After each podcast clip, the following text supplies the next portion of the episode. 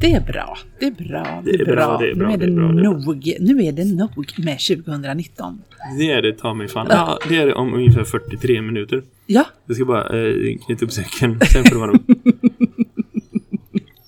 Vet du vad? Motsvarigheten till det här är... Eh, eh, jag sa hej då till mina kollegor, nu går jag på jullov, ha det gött, hej. Det var sånt som jag skrev till dig för typ kanske en och en halv timme sedan. Eh, sen kom min chef och sa, nej nej nej, ni måste plocka undan allting i klassrummen för Gothia Cup ska ha läger här. Eh, såklart, att de ska ha någon jävla kupp. Så det är så här, okej, jag ska bara göra den här sista grejen, sen så. Det är det som det här podcastavsnittet är. Det är motsvarigheten till att plocka undan skärmar och läsa grejer och ja, ja. ja. fan moster. Ja. Ja, ja, ja. Jag ska bara Gothia säkra det här läsåret, sen är vi klara. Sen är vi klara, sen är vi klara precis. Det här är Skolsverige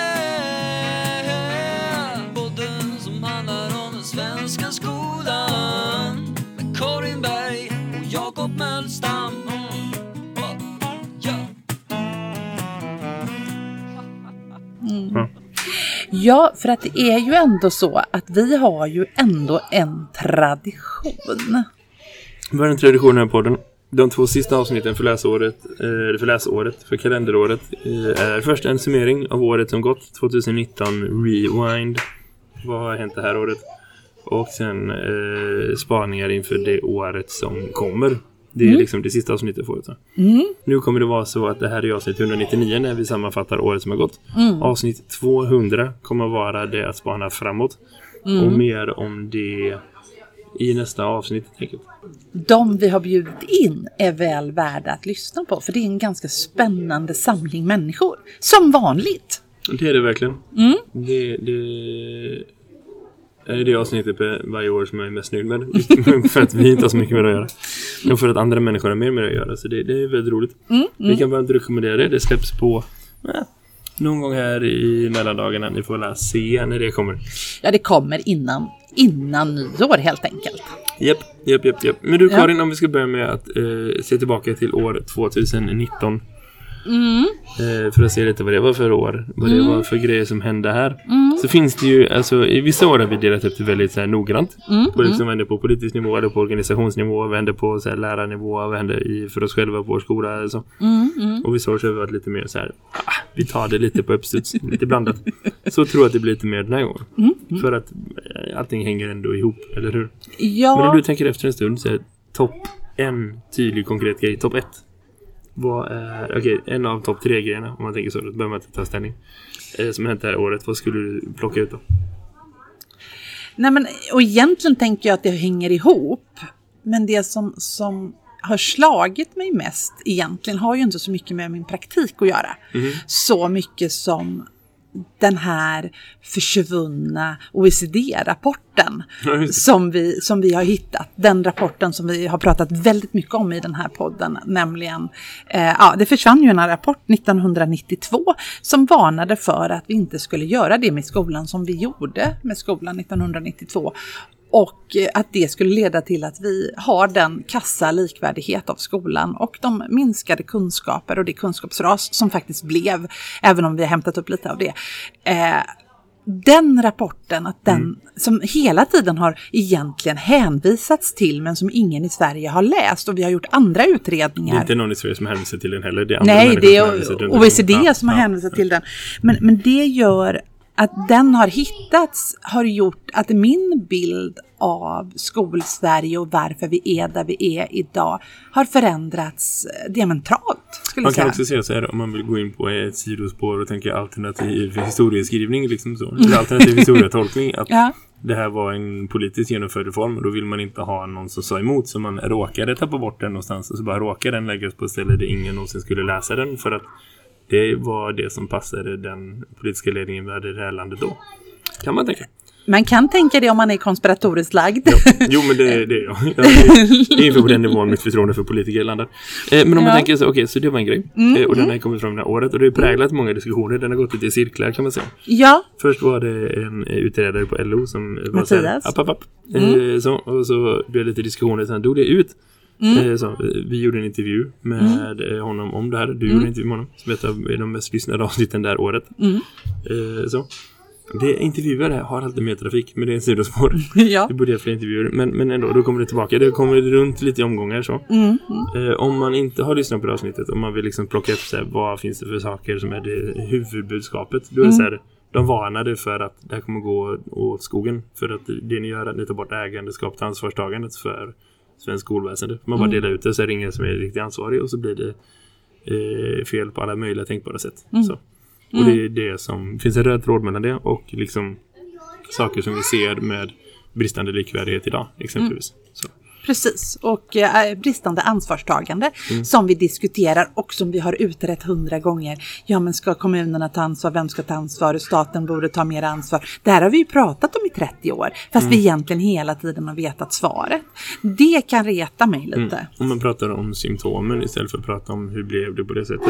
Det är en jättestor artiklar i Aftonbladet så fort någon inte hittar sina gymnasiebetyg för att man gick på en skola som lades ner. Och Ja. de har helt schabbat till det i liksom viktig myndighetsutövning som är att föra arkiv och så. Men man pratar inte om så här, vad var det som gjorde det systematiskt möjligt att det kunde bli så att en hel årskurs bara oj, nej de finns inte någonstans. Nej, och det finns faktiskt inte i just den artikeln som kom igår att man har skäbblat bort betyg. Inte någonstans, inte en mening m- om det här problemet som också blev uppenbart för mig i år. Nämligen att friskolor får syssla med myndighetsutövning eh, men inte lyder under offentlighetsprincipen. Det. Och det är ju för mig, det här blev klart för mig i januari i år. Och det var ju liksom nästan en chock. Att vi har liksom en, en, en liksom, vi har olika företag, inte bara i skolan, utan som får syssla med det vi kallar myndighetsutövning. Och som vi liksom har varit så stolta över i Sverige att vi kontrollerar våra myndigheter med hjälp av offentlighetsprincipen. Men när man skickar ut då eh, myndighetsutövning på entreprenad, då lyder inte de här entreprenaden under samma offentlighetsprincip, för då gäller företagsamhetslagar för dem Just istället. Just. Och då kan det plötsligt, enligt en dom i kammarrätten häromdagen, bli Mm. affärshemligheter med betygsstatistik. Just det, just det, just det. För det var det som var grejen att eh, Statistiska centralbyrån vägrade lämna ut information till både Skolverket om liksom hur det har gått i vissa mm, aspekter av betygssättning, elevsammansättning, det var ett annat sådana grejer, eller hur? Mm, Där man var så här, den är vi inte säkra på att vi får lämna ut det för att vi får inte lämna ut saker som är företagshemligheter bara för att Statistiska centralbyrån har dem. Så. Nej, precis. Och det var väl en del, kan man ju generellt sett tänka att det kan handla om att liksom de vill föra statistik även över saker som kanske inte alla är så. Så det är väl deras trovärdighet. Så det liksom, bara du får det prövat, var går egentligen den här gränsen? Och den första rätten sa nej, det får ni inte dela ut. Kammarrätten sa nej, det får ni inte dela ut. Och nu finns en möjlighet att överklaga det ett steg till. Och det lär ju absolut hamna där, eller hur? Med tanke på att liksom det är ganska tydligt att eh, vi måste få tydliga besked kring så här, var går den gränsen. Eh, många människor har varit lite så här, hmm, fundersamma. För det är ganska tydligt så här, hur går det till när friskolor fuskar med betyg? Eller så, vad är det egentligen som händer där? Att man kan ifrågasätta liksom som den där skolan i Göteborg som lades ner, Safirskolan, som förut hette Vetenskapsskolan, eh, har ju fått enorm kritik för att de har liksom ett av de högsta betygsgenomsnitten i Sverige. Samtidigt som man har en extremt låg lärartäthet eh, av behöriga lärare. Alltså brutalt mycket lägre än en kommunalskola har haft. Och de två pusselbitarna passar inte ihop. Men gud nej. Och, och om man då från juridiskt håll säger att så här, nej men det är bara en av de här pusselbitarna du får kolla på. För jag gissar att lärartäthet fortfarande kommer att vara en offentlig grej. Och den andra biten eh, får du typ bara, eh, nej du får bara lyssna på dem och se om den passar in eller inte. Hur fan ska man någonsin kunna lägga ett riktigt pussel då? Det går inte. Nej. Alltså, vi tar bort liksom eh, samhällets rätt och möjlighet att liksom granska kvaliteten på offentlig välfärd.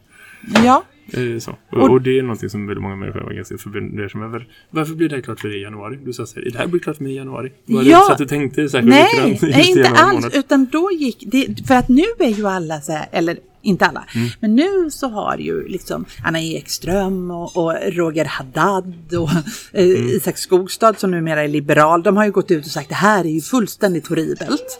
Eh, att, Alla tycker det är jätteroligt. eh, att det här med kammarrätten, Mm.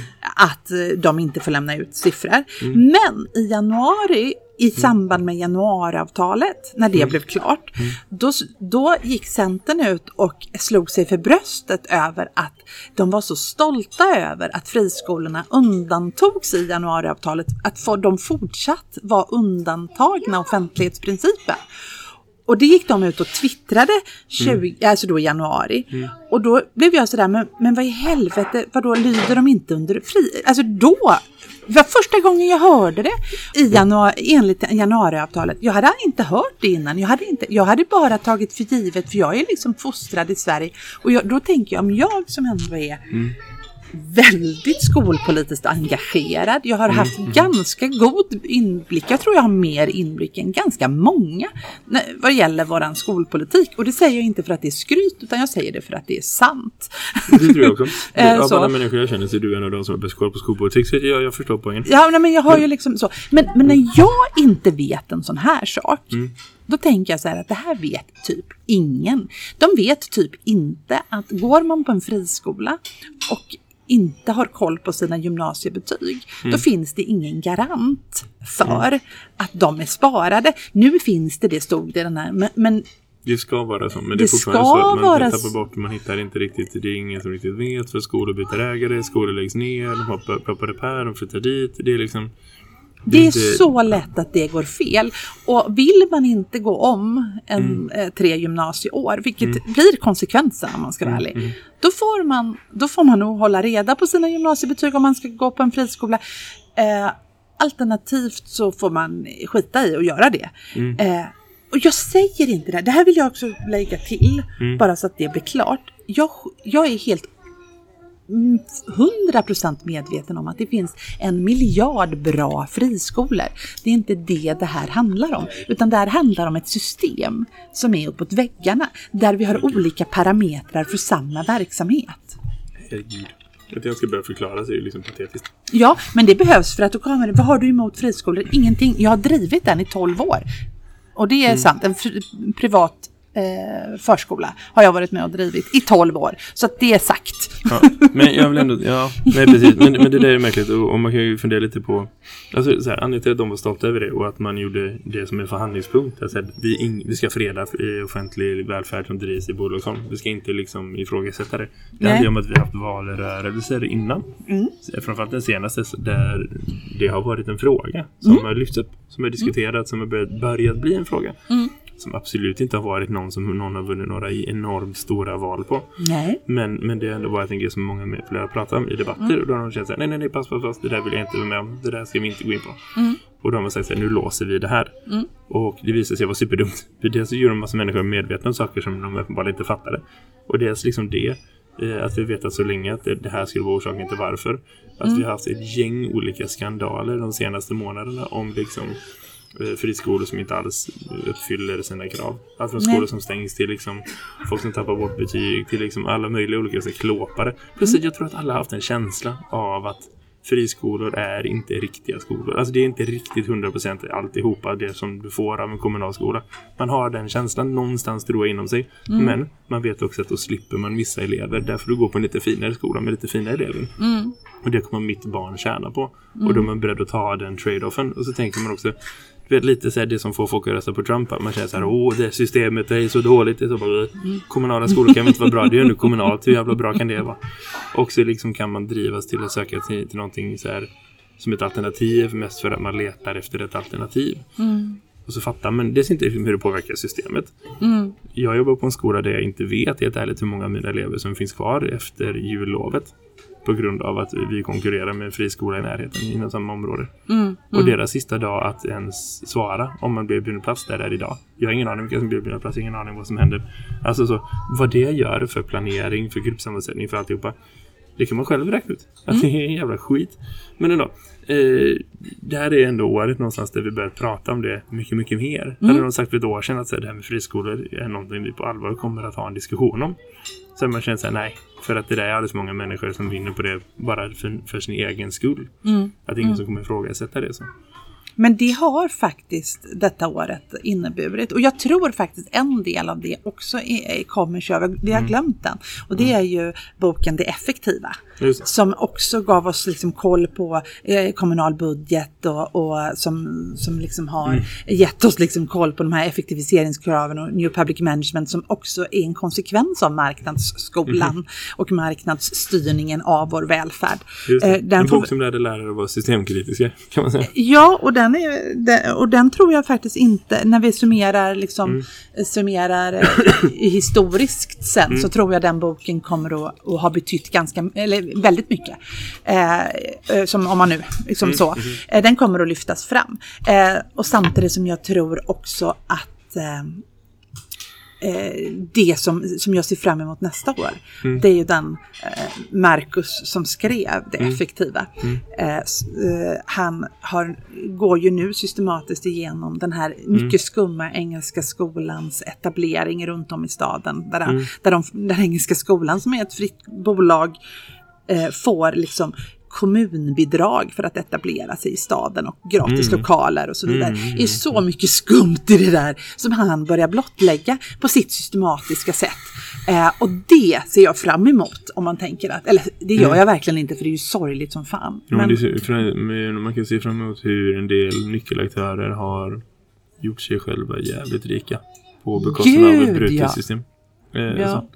Och jag hoppas faktiskt att 2020 blir året då vi faktiskt förstår att en skola går inte att reklamera. Man kan inte ha en skola, alltså en skolgång går inte att reklamera. Har du missat ett år så har du missat ett år.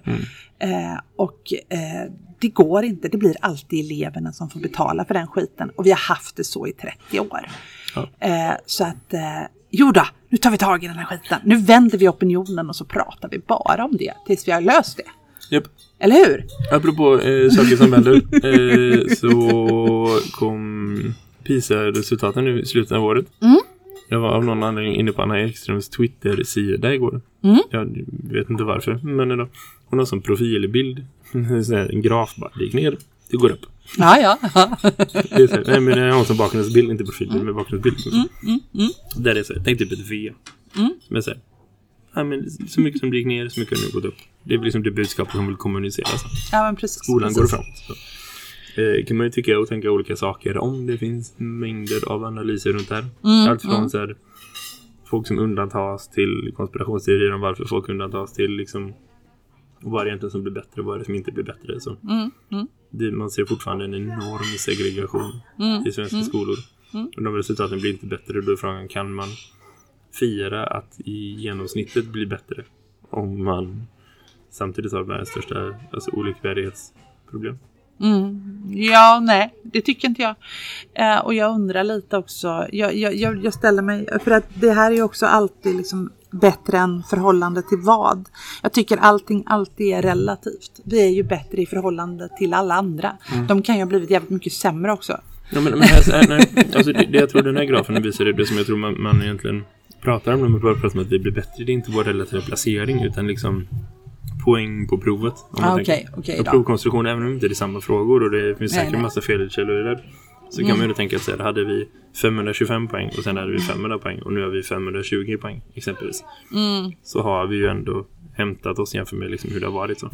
Mm. Eh, så där finns ju någon utveckling men sen liksom så här bara för det är lätt mätbart så får det väldigt mycket uppmärksamhet. Mm.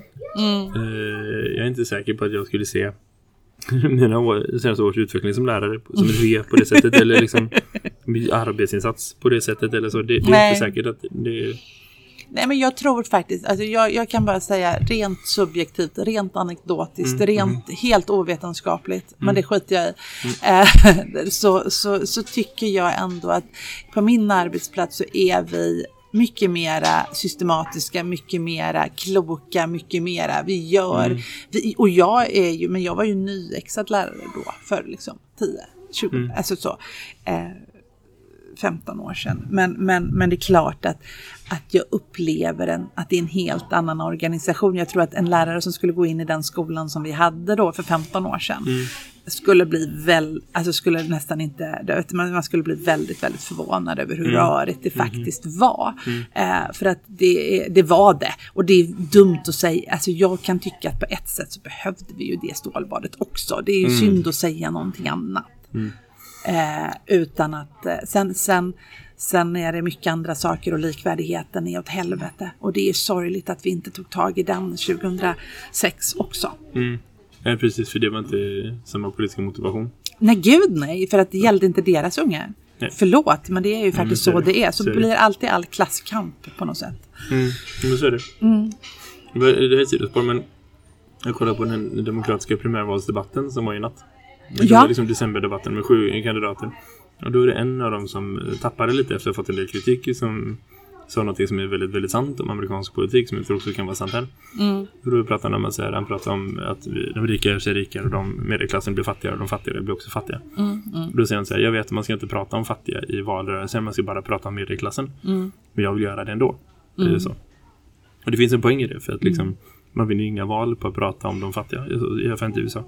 Och inte, Utan- alltså inte, vi är för rika i Sverige. Ja, utan man, man, man pratar om att medelklassen måste bli bredare eller medelklassen Mm. måste få det bättre för då är det fler människor som associerar med det. Mm. Så, då det kanske finns en logik i det här också, naturligtvis. Mm. Vad var det för skolreformer som det fanns eh, motivation för politiskt och liksom utifrån för att vad som hände efter PISA 2006 eller när det kan ha varit då. Mm. Den tiden, det var ju liksom att det, det, det var en sån chock. Det blev en sån Mm. medial uppmärksamhet att det var ju inte internt inom vår profession som vi hade så här, okej vad gör vi åt det här? Nej. Utan det var liksom alla människor utifrån som var så här, nu måste göra det här, nu måste göra det här, nu måste göra det här, nu måste göra det här, nu måste göra det här. Och det formade liksom någonstans eh, i vilka insatser som gjordes, vilka som var möjliga, vilka som kunde finansieras, vilka det liksom som prioriterades, vilka som inte prioriterades.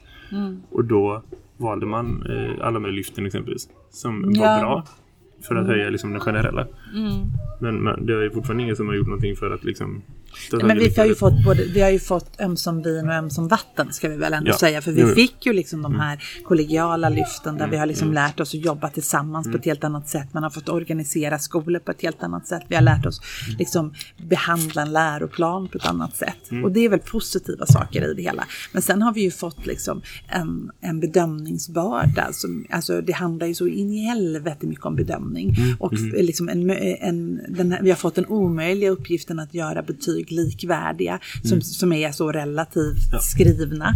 Eh, vi har fått en omöjlig, alltså vi har det, vi lever med någon slags betygsdebatt fortfarande.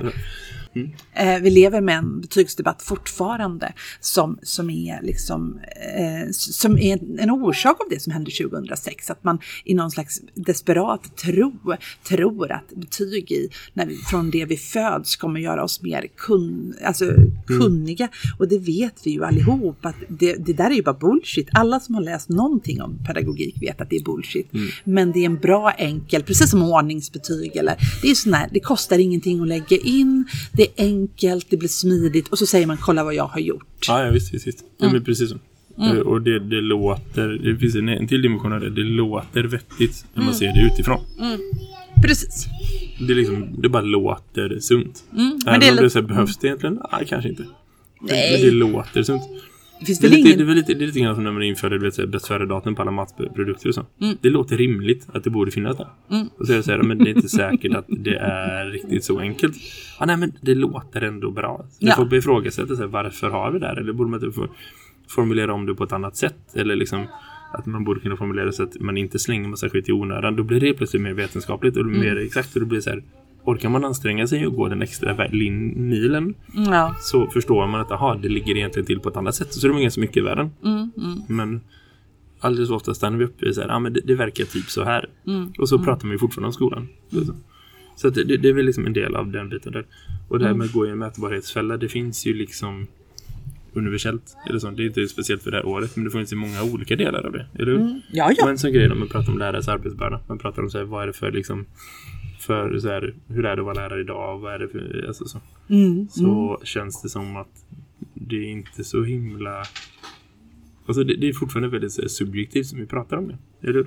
Ja, oh ja, oh ja. Och, och jag, jag tror inte att det finns någon eh, vettig jag vet ju att det finns så här, eh, på Lärarförbundet och Lärarnas riksförbunds hemsida så här, få koll på din arbetstid, Mm, Eh, bla bla bla bla bla. Och så ska man göra de där. Eh, och jag brukar bara, jag blir så provocerad av de där så det, det går inte. Jag kan, jag kan inte göra dem för jag blir arg. Men, men utifrån mitt sätt att se det, eller som jag har varit med om i år, så har jag ju, jag som alltid har undervisat åtminstone tre eh, kurser svenska.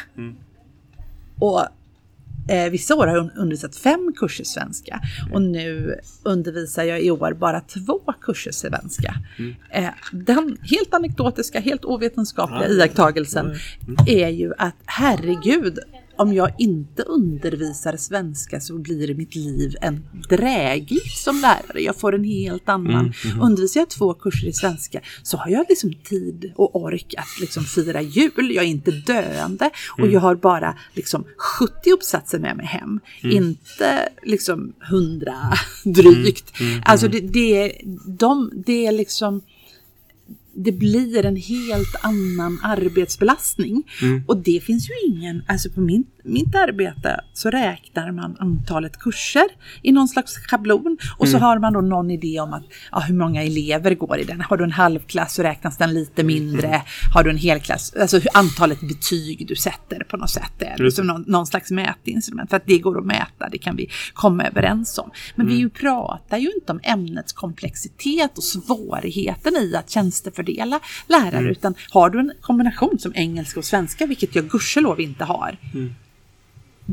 Alltså när de har jobbat 80 procent så jobbar de fortfarande mer än vad jag gör när jag jobbar 100.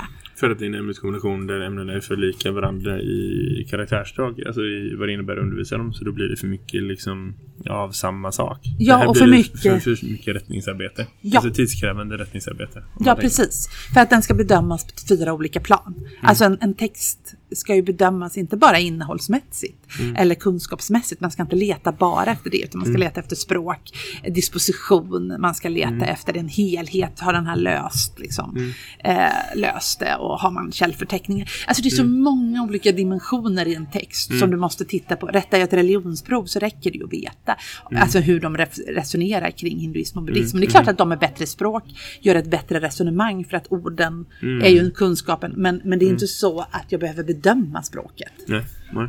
Och där någonstans så tror jag vi behöver liksom Ja, nej men det är en sån där reflektion. Jag vet inte hur du tänker om kring det. Men det, det, jag förstår att det är så. Och jag, jag inser att det är en, ganska mycket en så här, gymnasielärar eh, Ja. tanke kanske utifrån det kurssystemet som finns. Kanske att det är högstadiet, jag vet inte. Men det är ändå liksom eh, Jag förstår att det blir så i ett kurslärarprogram där man liksom, eller säg kursprogram eh, program. där, där det är konstruerat på det sättet där man har liksom icke-kommunicerande kärl på det sättet så. Jag tänker att det har att göra med eh, vad det är som är svårt med de ämnena och liksom, eh, att det kan vara på olika sätt. Så. och det är påfrestande på olika sätt och det är bra att kombinera. För att det hade varit bra om fler lärare hade flera olika kombinationer. För att deras egen arbetsmiljös skull och också för elevernas allsidiga bedömnings skull. Så. Hade man liksom haft historielärare som också var eh, svenska lärare så hade det kanske varit liksom bättre än att ha folk som bara undervisar språk, bara inom stora citattecken eller bara undervisar det här eller bara undervisar det här och så. Jag tror att det är bra för elever att ha olika kombinationer just för att man ser olika sidor och olika liksom så. Eh, det finns nog absolut så att, att liksom språkämnen eh, är så att rättningsbördan blir mycket mer komplicerad. Så. Eh, det finns ju andra ämnen som är svårigheter på andra sätt. Kolla på samhällskunskapslärare, historielärare som har enorma stoffinnehåll att gå igenom. Det är påfrestande på ett annat sätt i en annan del av processen. Så, så att det, det finns utmaningar i det åt olika håll. Eh, så, så, så det är ju klart att det är en del av det. Eh, om man ska tänka tillbaka till det senaste året eh, så Alltså jag, jag, jag, jag, jag framförallt, eh, om, om du beskriver så här, men jag hade så mycket lugnare i år för att det var bara två kurser. Så jag har haft mycket lugnare under början av hösten och jag tror att det hänger ihop med att jag har tvingat mig själv att hålla jobbet på lite större armlängds avstånd så.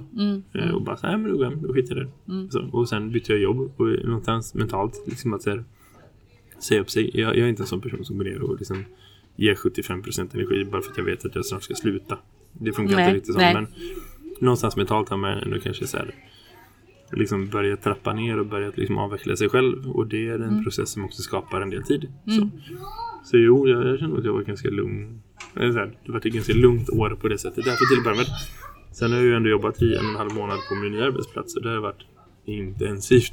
Och bara ta sig in i allt som händer. Och du vet liksom en ny skola där det fortfarande inte finns alla rutiner och liksom allting på plats. Mm, mm, Det är många saker som är lite lösa i kanten där man förstår saker under tiden man kör. mm, Och det är väl roligt. Så det är därför jag valt att göra en förändring. Och det är jag jättenöjd med. mm. Men, men, men sen dess har det inte varit lika lugnt.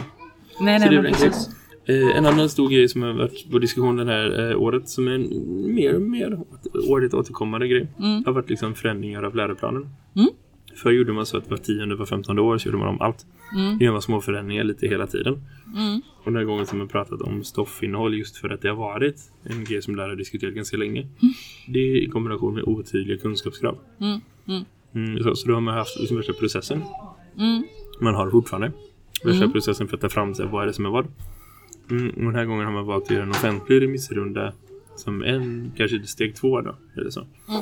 Mm. Istället man haft en runda först så har det kommit en runda sen. Där Mm. liksom alla som vill har fått tycka till och sen så går processen vidare innan det kommer en, ett färdigt förslag. Så. Och Men det kom väl- inte sett än. Ja, vi kom väl någon så här eh, halv... Ja men det, det, det, det som gick ut på remiss det är ett halvfärdigt förslag. Så, Ja, men sen kom det sagt. något häromdagen. Mhm. Men det har jag inte tittat på riktigt. Eh, Men det, Men det är det som är det färdiga. med. Ja, jag tror faktiskt att det kom. Jag har inte sett någonting det. Men jag har med flit haft också andra saker att göra. Så att, Ja. inte. Men skitsamma. Poängen är att det har varit en stor diskussion. Mm, mm, Mm, För det blev en väldig massa explosion kring liksom diskussioner kring så här, vad är det som är vad och vad är syftet och vad är meningen med det här och hur prioriterar vi vår tid. mm, I flera års tid har vi haft politiker som har varit så här lägga in 100 timmar mer matte, 100 timmar mer idrott, 100 mer, mer, mer, mer, mer, bara vill expandera liksom. mm, Och det är ju ett sätt att jobba med att utveckla skolans innehåll. Ett annat sätt är att jobba med prioriteringar. Och bara säga vad är det vi ska göra, vad och när och hur. mm. Är det rimligt att man fem gånger under en grundskoletid ska lära sig om hållbar utveckling? Mm. Eh, kanske, om Ja. det är så att det är liksom i progression. Mm. Det är ju olika perspektiv. Finns det värde att samköra det? Är? Kan det vara fem olika gånger? Är det rimligt? Eller så? Vad är det som ryms och inte? Mm. Men den stora diskussionen av det här var väl liksom att man hade en fundering kring så här, vad är det som är historia på mellanstadiet, vad är det som är historia på högstadiet och vad är det som är historia i gymnasiet. Mm, mm. Där man bland annat föreslog att högstadieungdomar kanske inte behöver lära sig om antiken fullt så mycket som man har gjort förut. Så. Ja. Och det blev ett jävla liv. ja, väldigt roligt. Jag tänker att just antiken har jag under en skoltid läst så många gånger så att jag vet inte. Är det någonting man läste så var det ju antiken. Eh, ordklasser och sånt. Det har nog läst varje år i hela högstadiet och hela gymnasiet. Ja, det läser de inte längre, det kan jag tala om. Eh, utan det gör typ, det är ett jätteproblem just med det. Kan jag skicka iväg till alla i hela grundskolan? Kan ni göra samma? För när man får en gymnasieklass där hälften har gjort det till döden och den andra hälften, vadå, adjektiv, vet, finns det? Som aldrig har hört det. Och det inte egentligen beror på liksom så. Men det är en annan. Det som inte märks på det är att jag sitter och rycker på axlarna och tänker, äh, fuck it, jag bryr mig inte. Nej, du bryr dig inte. Jag bryr mig om just den grejen för det blir så himla komplicerat.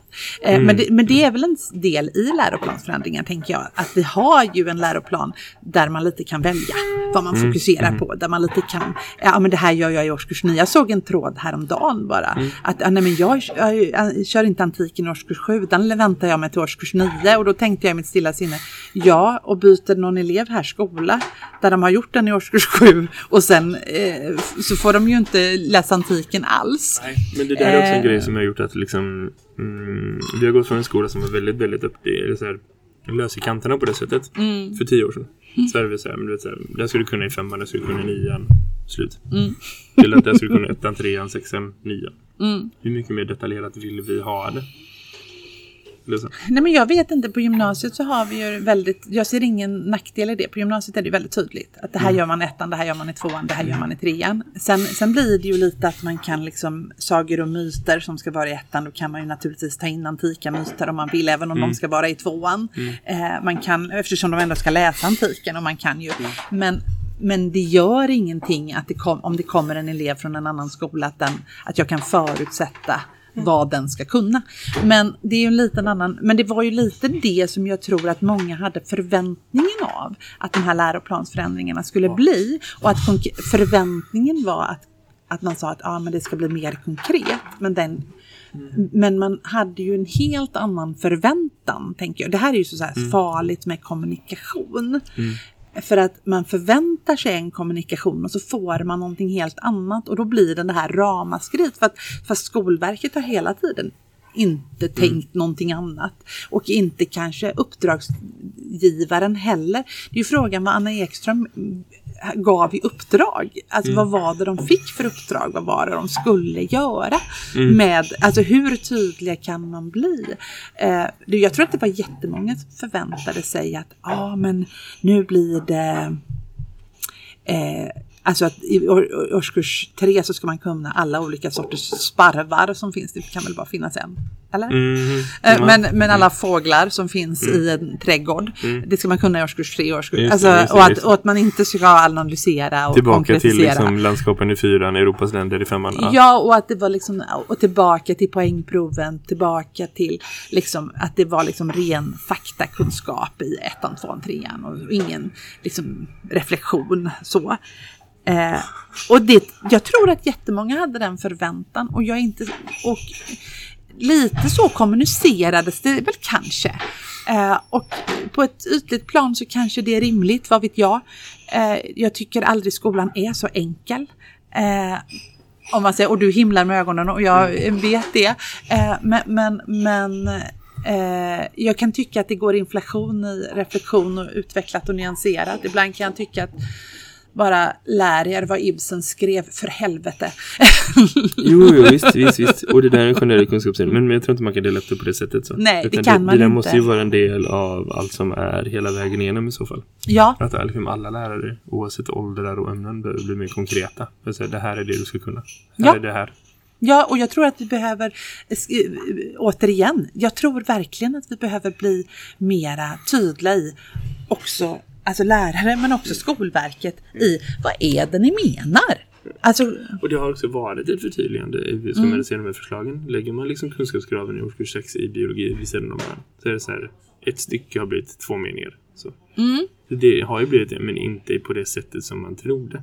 nej. För, för värdeorden finns fortfarande kvar. Det var en grej som folk blev helt eh, galna över. Mm. Det dels ett ord, skygalna, skogstoke. eh, så över. Och det är så här, jo, jo men det, de tre, fyra, fem orden på tre nivåer kan ju finnas kvar. Men hur de är paketerade runt omkring kan ju fortfarande göra så man förtydligar vad det är man menar. Så. Men den diskussionen kunde man inte ha när det var uppe på diskussion. För då var det så här, ah, de är, det finns fortfarande kvar så här, i stor utsträckning eller allt vad var. Och, och då, nej, då är, det, då är det exakt samma. Då är det ingen skillnad. nej. Eh, Och det, det är lite svårt. Och kanske är det så att det här är en reform som har kommit från eh, löst sammansatta nätverk av lärare som har klagat i sociala medier. Som har lett till en offentlig eh, så här, utredning och liksom så här, byråkrati som ska förändras. Så, Som är liksom raka motsatsen till löst sammansatta nätverk av informella konversationer. Och sen så går det tillbaka på remiss till de här löst sammansatta nätverken som inte fattar vad myndighetspersoner gör när de är myndighetsbyråkratiska. Liksom så. Och det är krocken däremellan egentligen som är det intressanta i det.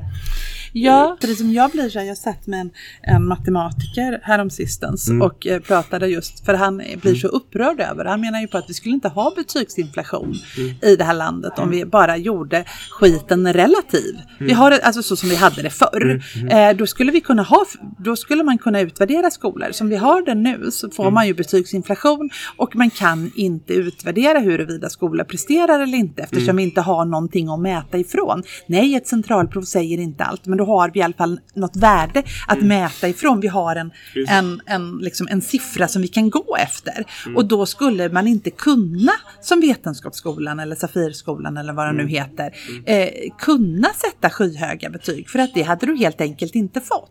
Sen Mm. fanns det ju massa saker som var dåligt med det systemet. Men när man då å ena sidan tog bort det relativa, alltså så att det var möjligt att mäta och jämföra skolor och sa att nej, ni sätter betyg enligt de här utvecklat och nyanserat eh, grejerna. Samtidigt som man också tog bort eh, styrningen av skolan och gjorde det till en marknad och gjorde betygen till en konkurrens.